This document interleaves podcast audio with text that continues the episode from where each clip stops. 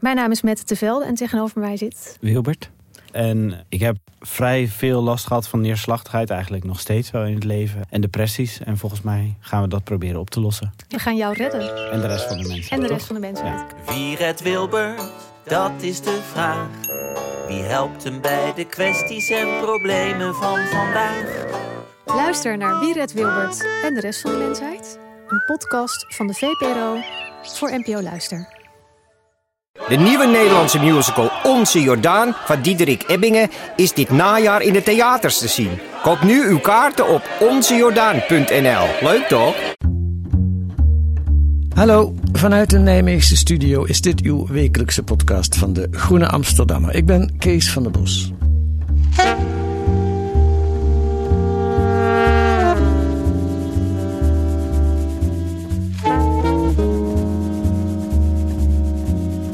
Sluiproute Brussel. Dat is de titel van het boek van Lise Witteman over de werking van de lobby in Brussel bij de Europese Unie. Een intrigerend verhaal over een soort regering naast de regering.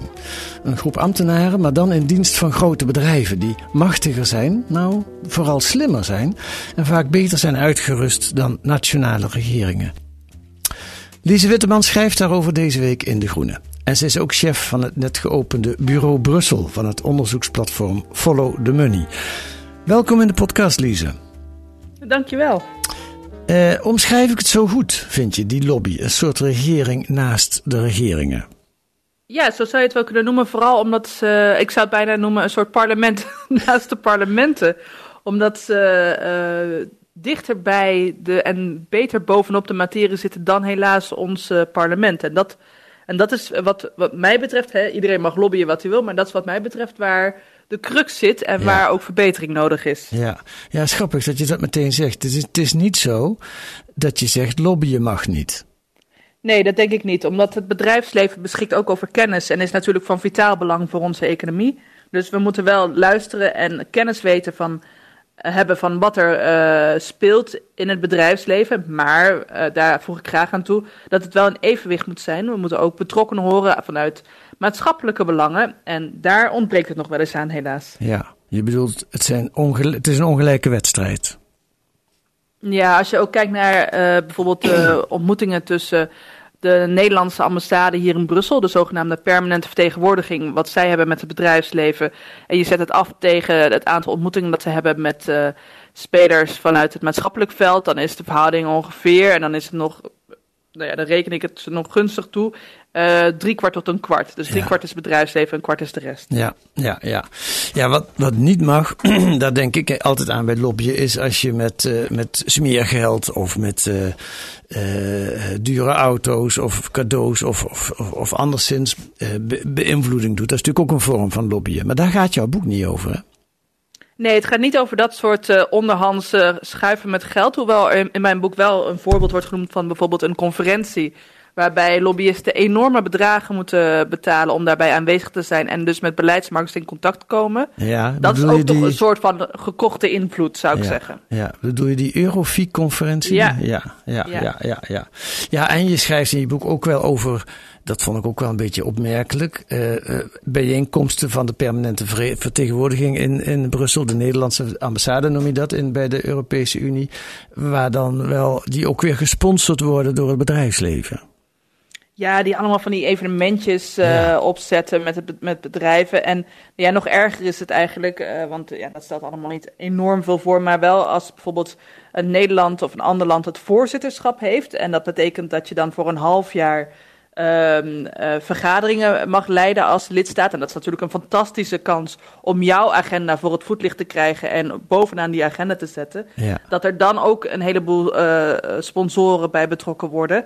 Die dan bijvoorbeeld in Roemenië was het dan Coca-Cola, die dan een heel, eh, al die evenementen ging sponsoren, waar dan al die ministers en beleidsambtenaren eh langsliepen. En, en dat soort Ja. directe beïnvloeding eh, van, van overheden, dat zou toch niet moeten kunnen? Nee. Nou goed, wie weet wat er allemaal gebeurt op dat vlak. Maar waar wij het vandaag over gaan hebben, waar je boek over gaat, is het keurige lobbyen, zal ik maar zeggen. Het via de deskundigheid die je als Shell of als eh grote eh, bedrijf, als Unilever of wat dan ook, of tabaksindustrie hebt. En je probeert die kennis die, die belangrijk is voor jouw bedrijfsvoering, die probeer je, daar probeer je de ambtenaren gevoelig voor te maken. Ja, alles is binnen de regels, maar de vraag is alsof het daarmee goed is. Vertel. Mijn, ehm, wat ik heb gedaan in het boek is, uh, we weten allemaal dat er, dat er wordt gelobbyd en we weten allemaal dat het ook in Brussel gebeurt. Maar waar het altijd aan ontbrak, als we, als we daarover discussieerden, waren eigenlijk hele concrete voorbeelden van waarom dat dan erg is en waarom dan de crux zit en uh, wat de problematiek is. En wat Ja. ik heb gedaan is geprobeerd die discussie uit het abstracte te halen door zeven casussen eigenlijk Ja. helemaal uit te werken Ja. zodat je echt ziet, doordat je door de, zeg maar, eh, dat, die, die, dat Brusselse bos wordt ingenomen, waarom dat eh wringt. En waarom het dus, en waar, wanneer dan het parlement nog helemaal niet op de hoogte is, terwijl het bedrijfsleven precies weet waar ze moeten zijn, bij wie ze moeten zijn. En eh, dat de overheid hen daarin ook faciliteert, waardoor zij beleid kunnen beïnvloeden, terwijl ons parlement buitenspel staat. Ja. En dat Ja. is wat ik eigenlijk met het boek eh beoog te doen, die discussie eigenlijk van munitie te voorzien. Ja, ja, ja. Ehm, nou, laten we zo'n voorbeeld bij de kop nemen. Want je hebt inderdaad eh, een aantal voorbeelden helemaal uitgewerkt. Ik heb gekozen voor het voorzorgsprincipe. Eh, hoe dat ondermijnd is door een, eh, een nou, tientallen jaren lange lobby eigenlijk op allerlei manieren.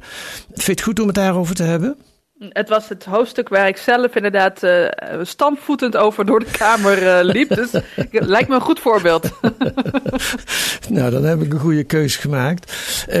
Laten we het even behandelen. Wat is het voorzorgprincipe? Ja, het is ook wel een ingewikkeld hoofdstuk. Dat gaat over, als je kijkt naar Europees verdragsrecht, dus eigenlijk de, de, de, eh, het recht rondom de Europese Unie, hebben wij in Europa een, het zogenaamde voorzorgsbeginsel. Dat eigenlijk zegt dat als beleidsmakers, Europese beleidsmakers, moeten kijken of zij nieuwe producten, bijvoorbeeld toegang tot de Europese markt verschaffen, moeten ze niet alleen maar kijken, nou zitten daar wel risico's aan verbonden, heeft, het wetens, heeft de wetenschap bewijs gevonden dat er misschien risico's zijn waardoor we dit product niet op de markt moeten toelaten. Maar ze moeten ook kijken, zijn er misschien risico's die wij nog niet goed kunnen overzien, maar die we toch alvast in acht nemen voor het geval dat. En dus eigenlijk ze- een beetje bij twijfel niet doen. Dat Ja. is wat het voorzorgsbeginsel zegt. Ja. En dat is een verschil met bijvoorbeeld het eh, Amerikaanse recht, waar het echt onomstotelijk moet zijn bewezen, eh, of waar, waar eh, als, als zodra er, zolang er geen bewijs is dat een product schadelijk is, mag het gewoon toegang eh, tot de markt hebben. En dat eh, met soms als consequentie dat jaren later blijkt natuurlijk dat er toch Ja. neg-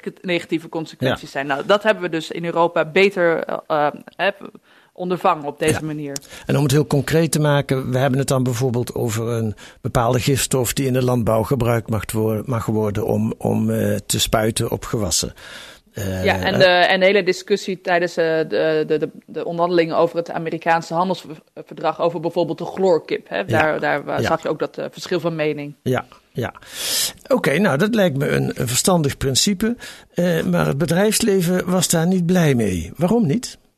Ja, je hebt natuurlijk dus grote chemiebedrijven en ook de tabaksindustrie, die natuurlijk liever zien eh, dat er niet al te veel regels over risico's eh, worden geadopteerd door Europese beleidsmakers, zodat ze zoveel mogelijk van hun mogelijk riskante producten op de Europese markt brengen. Ja. En die zijn dus echt al decennia bezig om te proberen eh, sowieso dat beleidsmakers zoveel mogelijk aan handen worden, met de handen worden gebonden als het gaat om regels maken. Zij willen bijvoorbeeld dat, eh, zo, dat beleidsmakers verplicht worden om zo- zogenaamde impact assessments te doen. eh, om Ja. te kijken, als wij deze regel maken, heeft het dan effect op de economie? Omdat bijvoorbeeld het bedrijfsleven dan een product niet op de markt kan brengen en dus kost dat banen. Ja. Nou ja, dat, dat soort... eh, Daar begint het mee. Hè? Dat vond ik wel een mooie eerste stap. Dus kijk, zo- zo'n lobby zegt dan niet... ah joh, laat ons nou gewoon dat gif spuiten. Dat gaat best goed of zo. Dat, is, dat zou een hele goedkope manier van lobbyen zijn. Nee, ze doen het veel slimmer. Ze zeggen, als je zo'n regel invoert... maak er dan een regel bij... dat de ambtenaren in elk geval moeten onderzoeken... wat het gevolg van die regel is voor het bedrijfsleven. Wat de impact daarvan is. Dat is de eerste stap. Ja, het was heel geraffineerd. Daarom is het ook zo'n interessante lobby geweest. Kijk, de tabaksindustrie snapt ook wel dat als zij gewoon gaan zeggen: ja, onze sigaretten moeten gewoon op de markt. Ja. Dat, dat ze dan niet veel, eh, hè, dat ze dan eh, in het stof bijten. Maar als Ja. ze zeggen van ja, het gaat erover, en dat heet dan better regulation, dat beleidsmakers betere regels maken. Ja. eh, ja daar is toch niemand tegen? Betere regels. Wie is daar nou tegen? Ja. Dus dat is een hele slimme ingestoken lobby Ja, geweest. Wat bij die lobby ook hoort, als je dus wil, je wil impact eh, onderzoek voordat de Europese Unie een regel invoert. Tenminste, zo, zo zet je die lobby in. Eh, en dan is het ook belangrijk dat je in de publiciteit bekend maakt. Dat je eh, zorgt dat er artikelen gepubliceerd worden. waaruit blijkt wat voor onzinnige regels er in de Europese Unie. Want die zijn er natuurlijk ook. Er zijn, zodat er een soort sfeer ontstaat van ja, het moet wel beter geregeld worden daar in de Europese Unie. Ja, in dit geval, hè, dus inderdaad, Brussel zit vol met narratieven en, Ja. en frames. En je moet echt proberen dat, daar doorheen te kijken, wat nog lang niet altijd zo makkelijk is. Maar als het gaat om, eh, hierom ging het bijvoorbeeld over olijfolieflesjes. Die moesten dan per se in de originele verpakking op de restauranttafeltjes staan. Ja. Eh, omdat dat had natuurlijk met allemaal hè, oorsprongsregels te maken. Waar komt die olijfolie nou e- eigenlijk vandaan? Ja. Nou, dat, dat was dan zo'n typische Brusselse onzinnige regel. En als, als nou better regulation was geweest, betere regelgeving, hadden beleidsmakers misschien niet dat soort onzinregels gemaakt. Ja. Nou, dat, dat is dan het, hè, terwijl het dus eigenlijk gaat over de macht van eh, de tabaksindustrie en de chemielobby, worden dan dit soort verhalen de wereld ingeslingerd. Ja. eh, waardoor mensen denken, ja, dat is ook onzinnig. Ja. Dat moet ook beter geregeld worden. Ja, en wie is er nou, wie is er nou tegen betere regels? ja. Hè? Maar dan, dan, en dan komt er zelfs een aparte eurocommissaris voor. In 2014 lees ik in jouw boek. Frans Timmermans, die gaat daarvoor zorgen dat die regels, eh, die onzinnige regels verdwijnen. En dat die impact van de regels onderzocht gaat worden. En dan is op dat moment de lobby van het bedrijfsleven dus heel succesvol geweest. Ja, eh, daar, daaraan voorafgaand was het nog dat eh, de Nederlandse regering eh, was al vrij vroeg op de hand van die hele Better Regulation agenda. Eh, al, die is eigenlijk al vanaf de jaren negentig ook bezig geweest met better regulation in zowel Nederlands als eh Europese rechten geïmplementeerd te krijgen. Ja. En wat dan specifiek heel interessant was, dus het was ook niet zo gek dat Eurocommissaris, eh, commissaris, eh, commissievoorzitter Juncker toen had gedacht, nou, hè, geef dan maar aan een Nederlander ook die portefeuille, mag hij Ja. het fixen, dat snap Ja. ik wel. Ehm, maar wat nog wel interessant is, dat er was één specifieke regel waar dat bedrijfsleven graag van af wilde, en dat is dus dat voorzorgsbeginsel. Ja. En wat het bedrijfsleven toen had bedacht is: oké, het lukt ons niet om het voorzorgsbeginsel uit het Europese recht te halen. Dat, die lobby slaagde niet. Dus bedachten ze een omweg. Wat nou als we nog een ander beginsel verzinnen? Ja. En dat noemden ze dan het innovatieprincipe. Ja. En dat, zegt, en dat plaatsen we eigenlijk tegenover het voorzorgsbeginsel. En het, het idee van het bedrijfsleven was: als wij uh, iedere keer dat beleidsmakers dus neigen om vanwege het voorzorgsbeginsel een product van de markt te houden, dan willen wij ze verplichten om ook naar het zogenaamde innovatieprincipe te kijken. Wat eigenlijk zegt: ja, maar wacht eens even.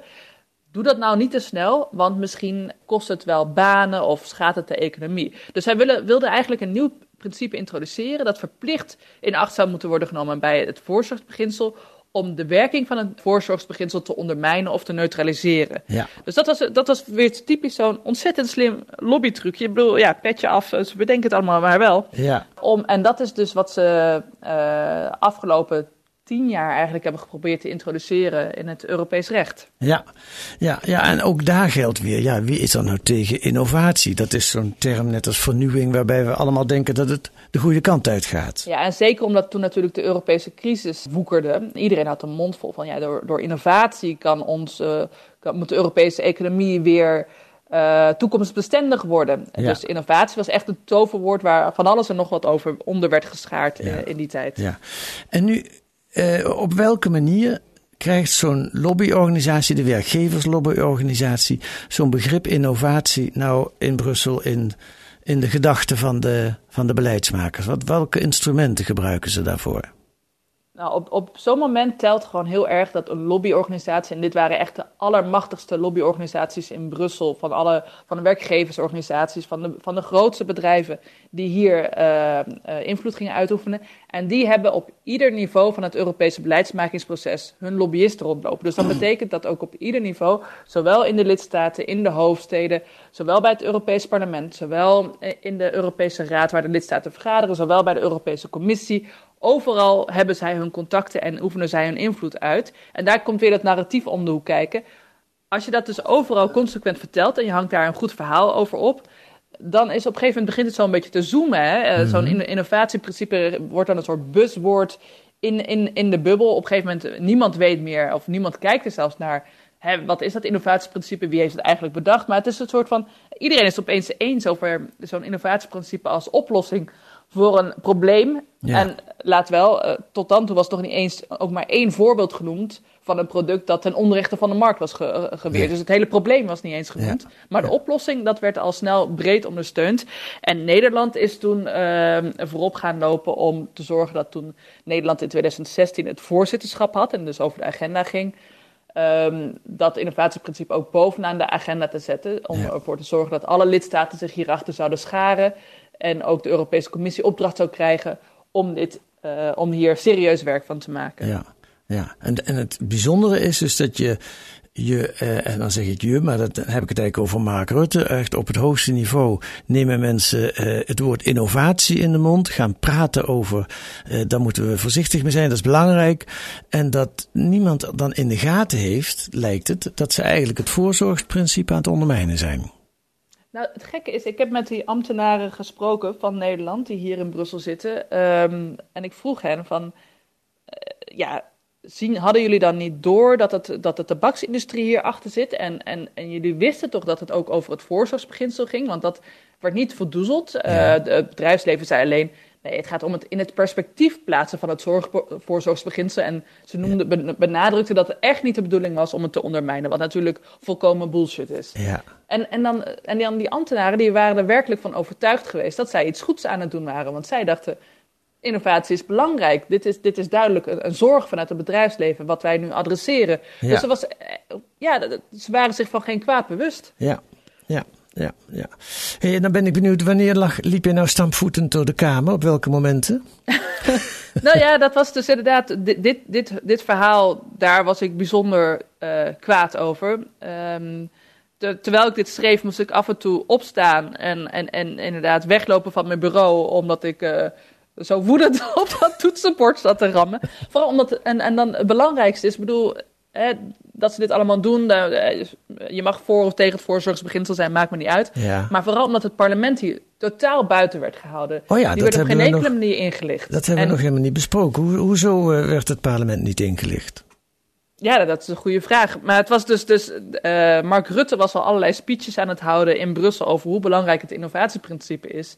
Terwijl het parlement nog nooit van het innovatieprincipe had gehoord. Laat staan dat het een mogelijk effect zal hebben op het voorzorgsbeginsel. Nou, en ik weet zeker dat als dat bekend was geweest in het Nederlands parlement, dat, dat daar genoeg partijen waren geweest die daar iets van hadden gevonden. Want ook in Ja. het Nederlands recht is het voorzorgsbeginsel een belangrijk fundament. Ja, Dus die, die zijn hier gewoon totaal buiten gehouden. Tot aan het, zelfs toen uiteindelijk de Europese Raad, waarin dus de lidstatenvergaderingen met hun, eh, met hun besluiten waren gekomen en de Europese Commissie opdracht gaven om werk te maken van het innovatiebeginsel. En daarin stond ook genoemd dat dat effect zou hebben op het voorzorgsbeginsel. Ja. Heeft de regering in haar brief vervolgens aan de Kamer, om de Kamer hierover in te lichten, het woord voorzorgsbeginsel zorgvuldig vermeden. Ze hebben alleen gezegd, wij maken werk van het innovatieprincipe. En de Kamer, geen idee wat, die hadden natuurlijk geen idee. Dacht, nou, het zal wel goed zijn. ja, Die hadden het hele woord voorzorgsbeginsel immers niet voorbij zien komen. ja, ja, ja. ja. Eh, eh, tot slot van dit verhaal, en dat is een moeilijke vraag denk ik, maar kun je dan ook aan het eind een voorbeeld geven van een product of, of, of een moment waarop eigenlijk het voorzorgsbeginsel twintig jaar geleden nog wel geleid zou hebben tot het stopzetten van een procedure en waarbij het nu niet gebeurd is? Nou, het interessante is, ehm, dus de Europese Commissie is vervolgens werk gaan maken van, om, dat, om het innovatieprincipe een soort van onderdeel te maken van de handleiding voor eh, Europese ambtenaren, zodat ze daar eh, werk van gaan maken, maar nog wel in een soort van, dat hadden ze nog wel in een soort, eh, alleen in een soort verwijzende vorm gedaan. Dus ze hadden nog niet zo heel expliciet. Ze verwezen naar een rapport over het innovatieprincipe in die handleiding. Ja, Ehm, dus eigenlijk was die lobby, eh, dat was dan in 2018 toen dat eh, was gelukt, was nog niet helemaal af. Want dat moest eigenlijk nog veel explicieter om echt een effect te hebben. Sindsdien is dus Nederland blijven proberen om, en ook andere lidstaten, om te proberen dat explicieter in die handleiding te krijgen.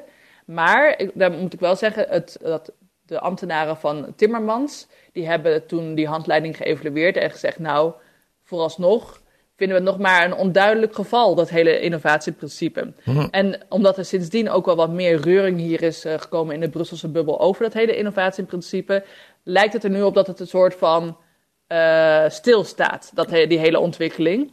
Dus hoe meer, hoe meer herren we erover schoppen, hoe eh, meer we misschien de wind uit de zeilen kunnen nemen van deze lobby en het uiteindelijk misschien nog lukt om het eh, een beetje naar de achtergrond te laten verdwijnen. Ja, ja, ja. In die zin werkt eh, jouw werk, jullie werk, journalistenwerk, heeft ook effect. En juist daarom is het zo belangrijk ook dat er meer journalisten naar Brussel komen. Ja. Want er zijn echt, dus ze zijn hier op één hand te tellen en dat gaat dan over heel Europa. Zit hier misschien een handjevol onderzoeksjournalisten. Ja, ja en dat zitten- is veel te zit- weinig. Ja, er zit wel een hoop correspondenten, maar die moeten de, het grote werk volgen, zeg maar. Maar onderzoeksjournalisten ben je heel weinig tegengekomen nog, hè? Precies, en de correspondenten, dat zijn er misschien één à twee per, eh, per grote krant. Maar die zijn inderdaad razend druk met Ja. la- het laatste stand van zaken over de begroting. Of de nieuwtjes uit de, uit de raad. Die hebben echt geen tijd om de diepte in te duiken. Hey, hoe lang zit je al in Brussel? Drie jaar. Drie jaar. Eh, eh, als ik het goed heb, daarvoor heb je eh, de Haagse politiek gevolgd. Eh, onder andere voor de Telegraaf eh, heb je gewerkt. Is het daar niet net zo? Wa- wa- wa- Was je die lobby, kwam je die daar niet in Den Haag niet ook tegen? Ja, daar kwam ik die wel tegen, maar daar zaten een hele hoop meer journalisten. Want we hebben hier dus inderdaad maar twee correspondenten hooguit per krant. Maar daar heb je er minstens zes. Ja. Dus dat maakt natuurlijk wel dat, dat, dat er veel minder ruimte is om dit soort best wel impactvolle lobby's helemaal buiten het zicht te voeren. We hebben natuurlijk op een gegeven moment eh, de dividendbelasting gezien. Dus tuurlijk, Ja. het gebeurt ook eh, in Den Haag. Ja. Maar wat, wat mijn boek eigenlijk is, er zijn zeven van dat soort gevallen. Ja. Helemaal nooit dat er over is geschreven. Dus en, en minstens eh, zoveel impact. Dus dat is toch nog wel een verschil. ehm, Dat er in ieder geval journalistieke interesse is daar. Ja, het, het is een heel ongelijk speelveld. Er zitten, er zitten iets van 30.000 lobbyisten in Brussel. Ja, evenveel als er eh, ambtenaren zijn van de Europese Commissie. Dus Ja, ja. Uit je winst. Ja. En weet je wat er ook, ook onuitgesproken, wat me opviel, in zit? Is dat er een soort, en dat is natuurlijk de liberale visie, die, die nogal breed gedeeld wordt. Dat er een soort onuitgesproken visie is van als het grote bedrijfsleven iets zegt, moeten we daar wel goed naar luisteren. Want dat zijn hele belangrijke spelers. Die, die worden als een soort, voor, eh, die zijn voor het algemeen belang, zijn die belangrijk, die grote bedrijven. Dus daar moeten we naar luisteren. Ja, nou ja, dat is natuurlijk ook zo. Hè. Dat, daar, die zijn belangrijke schakels in de Europese economie. Dus je kan ze ook moeilijk eh, negeren. En het is ook niet zo dat er bij grote bedrijven alleen maar stoute mensen rondlopen. Nee, maar je hoeft, ook niet te, je hoeft ook niet te negeren, maar je kan, je kan ze ook benaderen als, ja, dit zijn mensen die willen winst maken. We moeten, wel, we moeten ze wel in de gaten houden dat ze dat op een fatsoenlijke manier doen. Ja, en eh, daar moet je, de, daar moet je, de, eh, je er zelf ook rekenschap van geven dat de lobbyisten die hier rondlopen, dat zijn natuurlijk hele slimme, aardige, leuke mensen. Dat Ja. zijn mensen zoals die ambtenaren. Dus ehm, zelfs al heb je een negatieve op- opinie over bijvoorbeeld Shell of zo, dan, dan ontmoet je hier zo'n zo'n man of een vrouw die dan lobbyt voor Shell. Dat is dan een hele leuke vent. Ja. Ehm, waardoor je denkt, nou, het klinkt allemaal best redelijk. En eh, hij bedoelt het duidelijk zo kwaad niet. Het is ook een, eh, thuis heeft hij zijn drie kinderen. En hij, hij is ook eh, voor betere klimaatmaatregelen. Dus het klinkt allemaal heel plausibel. Ja. Waardoor, als je dicht op elkaar zit, je elkaar al snel beïnvloedt. Ja, ja, ja. Ik, ik moet dan denken, de CEO van Shell, die rijdt zelf ook in een elektrische auto om, om het milieu Ja. te sparen. Ehm, we gaan het even over Rutte hebben. Je, je omschrijft, die- is al tien jaar eh, eh, aan de macht en dat gaat nog even door waarschijnlijk als de, de, eh, formatie tenminste lukt. Die tijdspanne heb jij ook speciaal onderzocht, hè, omdat het om die tien jaar gaat. Je omschrijft de visie van Rutte over de EU als een, eh, hij ziet het als een platform waar de Europese regeringen afspraken maken die de groei van de economie ten goede komen. En dat doen ze dan met name door het bedrijfsleven ruim baan te geven, wat ik net ook al zei. Maar, en daar wijs je ook op in je boek, dat lijkt iets te veranderd te zijn. In 2018, en dan wil ik een paar fragmenten laten horen, hield Rutte ineens een visionaire speech voor de Bertelsmann Stiftung. En daarin zei hij over Europa dit. How do I see the European Union? In a single sentence, as a community of values and a partnership of 27 sovereign states that make each other stronger when a joint approach is needed. Een waardegemeenschap. En dat uit de mond van Rutte. En een- paar maanden later op het VVD-congres moest hij dat uitleggen aan zijn partijgenoten. En daar laat ik ook een stukje van horen. And ik wil met jullie delen dat ik zelf op beide onderwerpen mijn denken is verschoven in de afgelopen jaren. Laat ik beginnen met Europa. Tot een aantal jaar geleden keek ik naar Europa als, ja logisch, daar zijn we lid van, maar heel, wat ik maar even noem, transactioneel. Je haalt eruit wat je erin steekt. Europa, zou ik zeggen, is markt en munt. En omdat wij een sterke interne markt willen en een sterke munt zijn we er lid van. En wat we erin steken halen we er ook weer uit. Maar nu wij zien hoe instabiel de wereld aan het worden is. Kijk naar de situatie rondom Europa, Rusland en Oekraïne. Uh, Syrië. Uh, wat er gebeurd is na de aanvankelijke hoop die we hadden in Noord-Afrika, na de revoluties daar. Hoe instabiel het daar geworden is. Kijk alleen naar een land als Libië, maar ook Egypte.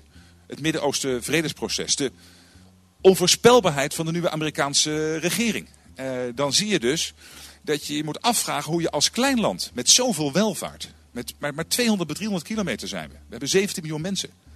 Wil je dit land veilig en stabiel houden, dan kan dat niet anders dan dat we ingebed zitten in sterke internationale structuren. Zoals daar zijn de NAVO, de Verenigde Naties.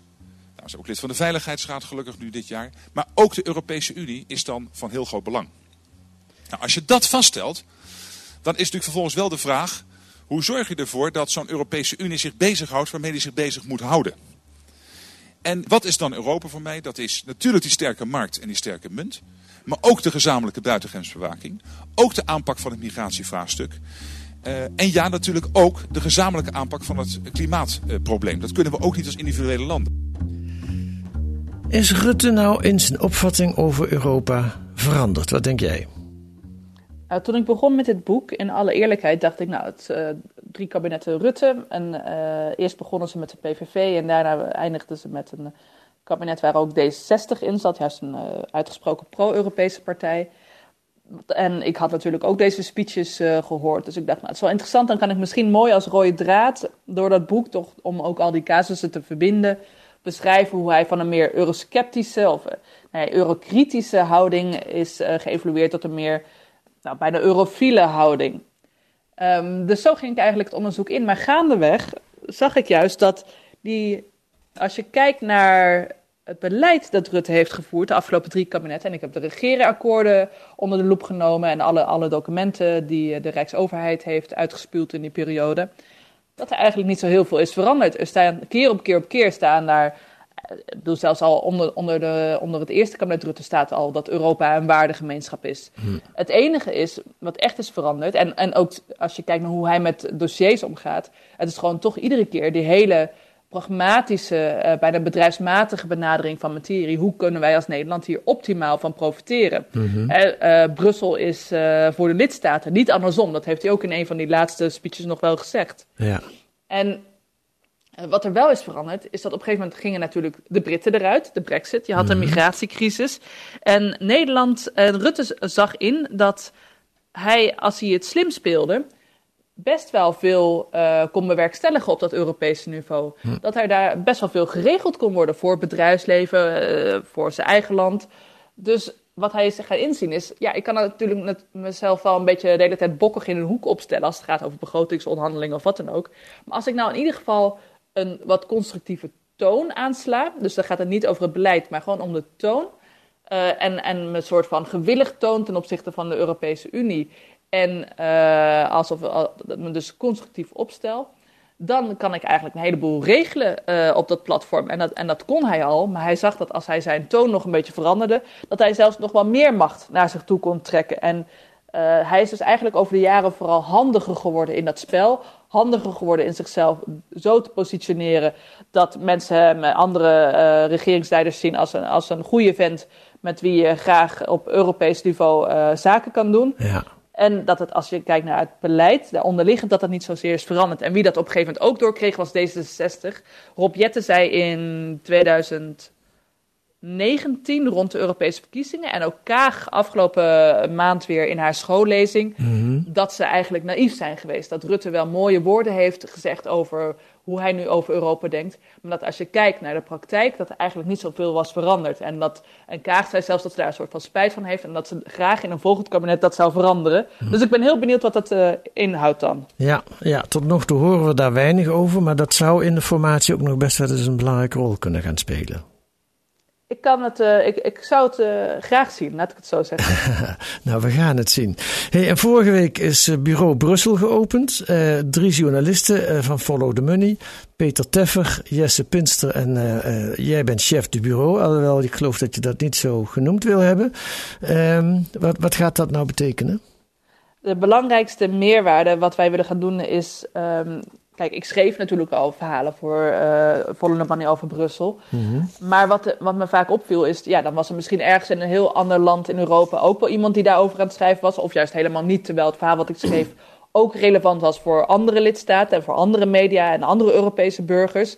En ik dacht, ja, dat is toch heel zonde van mijn tijd en energie en van hun tijd en energie, als we die krachten niet wat meer bundelen. En af en toe zijn er heus wel Europese journalistieke samenwerkingsprojecten, maar dat is nog ontzettend sporadisch. Hm. Uh, en gek genoeg, en ik heb me er echt over verbaasd toen ik naar Brussel kwam, waren er dus nog heel weinig of bijna geen uh, samenwerkingsverbanden structureel om gewoon telkens op onderwerpen de krachten te bundelen, ieder informatie te vergaren in zijn eigen lidstaat om te zien hoe die lijntjes lopen, uh, ieder zijn eigen onderzoekskanalen gebruiken en dan die informatie combineren en dat je dan vervolgens weer allemaal voor je eigen krant of televisie in je eigen lidstaat uh, het publiek informeert. Zodat je ook wat meer impact maakt met een verhaal dan wanneer je alleen ja, voor één Franse krant of voor één ja.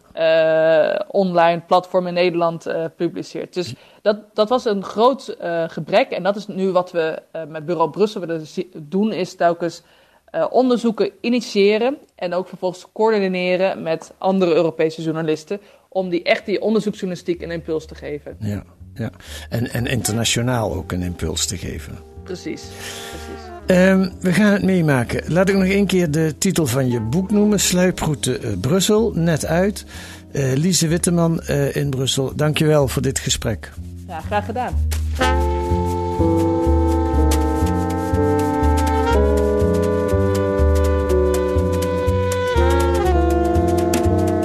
Wat staat er nog meer in de Groene deze week? Een schokkende reportage uit het grensgebied van Polen en Belarus, waar vluchtelingen een speelbal zijn geworden van de politiek in die beide landen. En een pleidooi voor een linkse fusie. PvdA en GroenLinks moeten op zoek naar een gezagvolle bemiddelaar zonder ambitie. Nou, bijvoorbeeld een Piet Steenkamp, de man die het CDA voor elkaar kreeg. Dat kunt u lezen met een abonnement of een proefabonnement. Ga dan naar groene.nl. Daar wordt dat allemaal uitgelegd. Wilt u reageren op deze podcast, dan kan dat ook via de mail podcast.groene.nl. U kunt ook in uw podcast-app kunt u sterren geven of een korte recensie over deze podcast. Dat helpt ons weer aan meer luisteraars. Volgende week ben ik er weer met een andere auteur van een artikel in de Groene Amsterdammer. In deze podcast van de Groene Amsterdammer. Die deze week werd gemaakt door Misha Zaat, Zet Fazel en Kees van der Bos. En de muziek is A Tune for N van Paul van Kemenade.